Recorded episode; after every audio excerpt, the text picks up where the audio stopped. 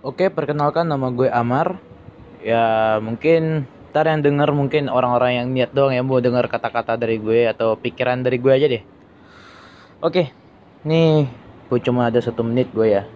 Palingan di sini gue cuma bakal ngebahas apa yang lagi booming, apa yang gue unek-unekin ya itu doang palingan mah. Kalau ada positifnya diambil, negatifnya mah ya jangan dicontoh lah. Manusia selalu berbuat kesalahan kok.